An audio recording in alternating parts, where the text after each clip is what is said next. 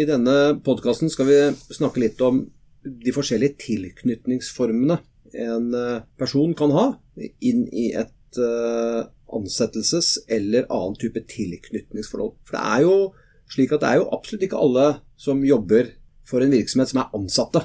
Andre. Nei, det er det ikke. Men hovedregelen i norsk rett, den klare hovedregelen i norsk rett, er at uh, du skal ansettes fast.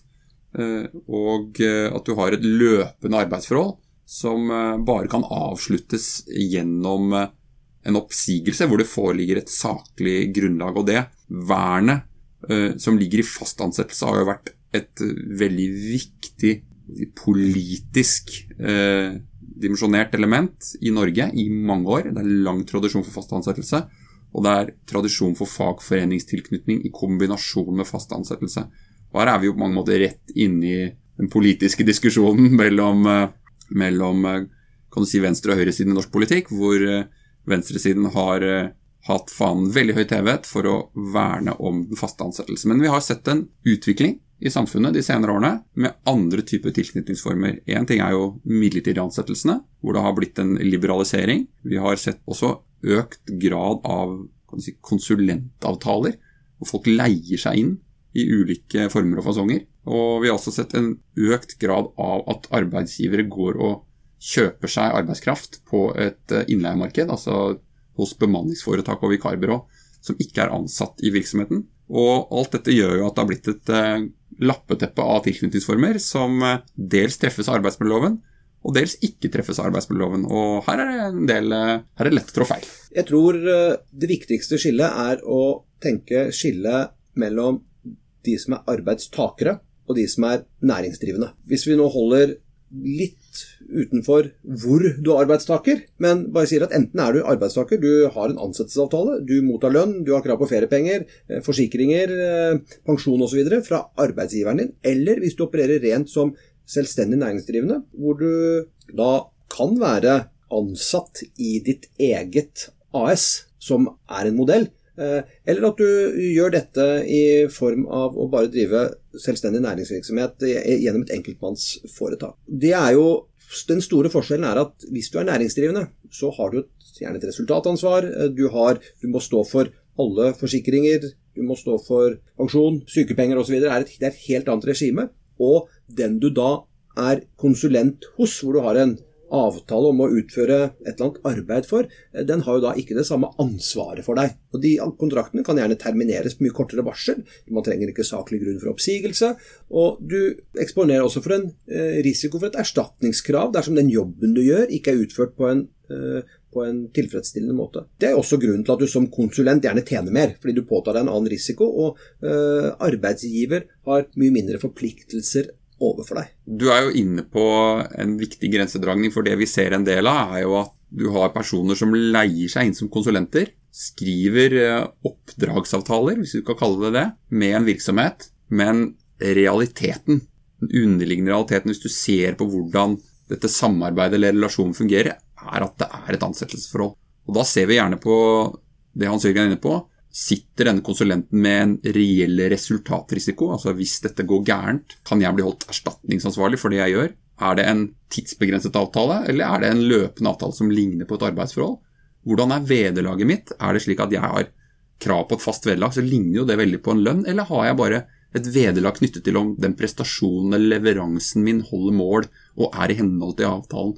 Alle disse momentene kommer inn i den vurderingen. Og hvis det ikke er et reelt oppdrags- eller konsulentforhold, altså detter du egentlig inn i arbeidsmiljøloven, for å si det litt enkelt, og vil jo fort kunne påberope deg de vernereglene som ligger der, inkludert stillingsvernet. Det er, eh, Vi har sagt litt om konsulenten og den næringsdrivende, men vi har jo også en stor gruppe ansatte som jo er ansatt et sted, men som faktisk utfører arbeid et annet sted. Og det er jo da de som eh, gjerne utfører arbeid eh, gjennom vikarbyråer. For der er jo konstruksjonen slik at du har en fast ansettelse hos utleier, men du, det er en avtale mellom utleier, som er din arbeidsgiver, og innleier, som er den virksomheten du da utfører arbeid for, eh, om at du skal utføre disse arbeidsoppgavene. Og da vil du være innleier som vil være den som har styringsretten overfor deg, som kan bestemme hva du driver med det daglige, mens lønnen din får du fra utleier. Det er en uh, konstruksjon som er mye brukt, og som fortjener en egen podkast på forholdet, altså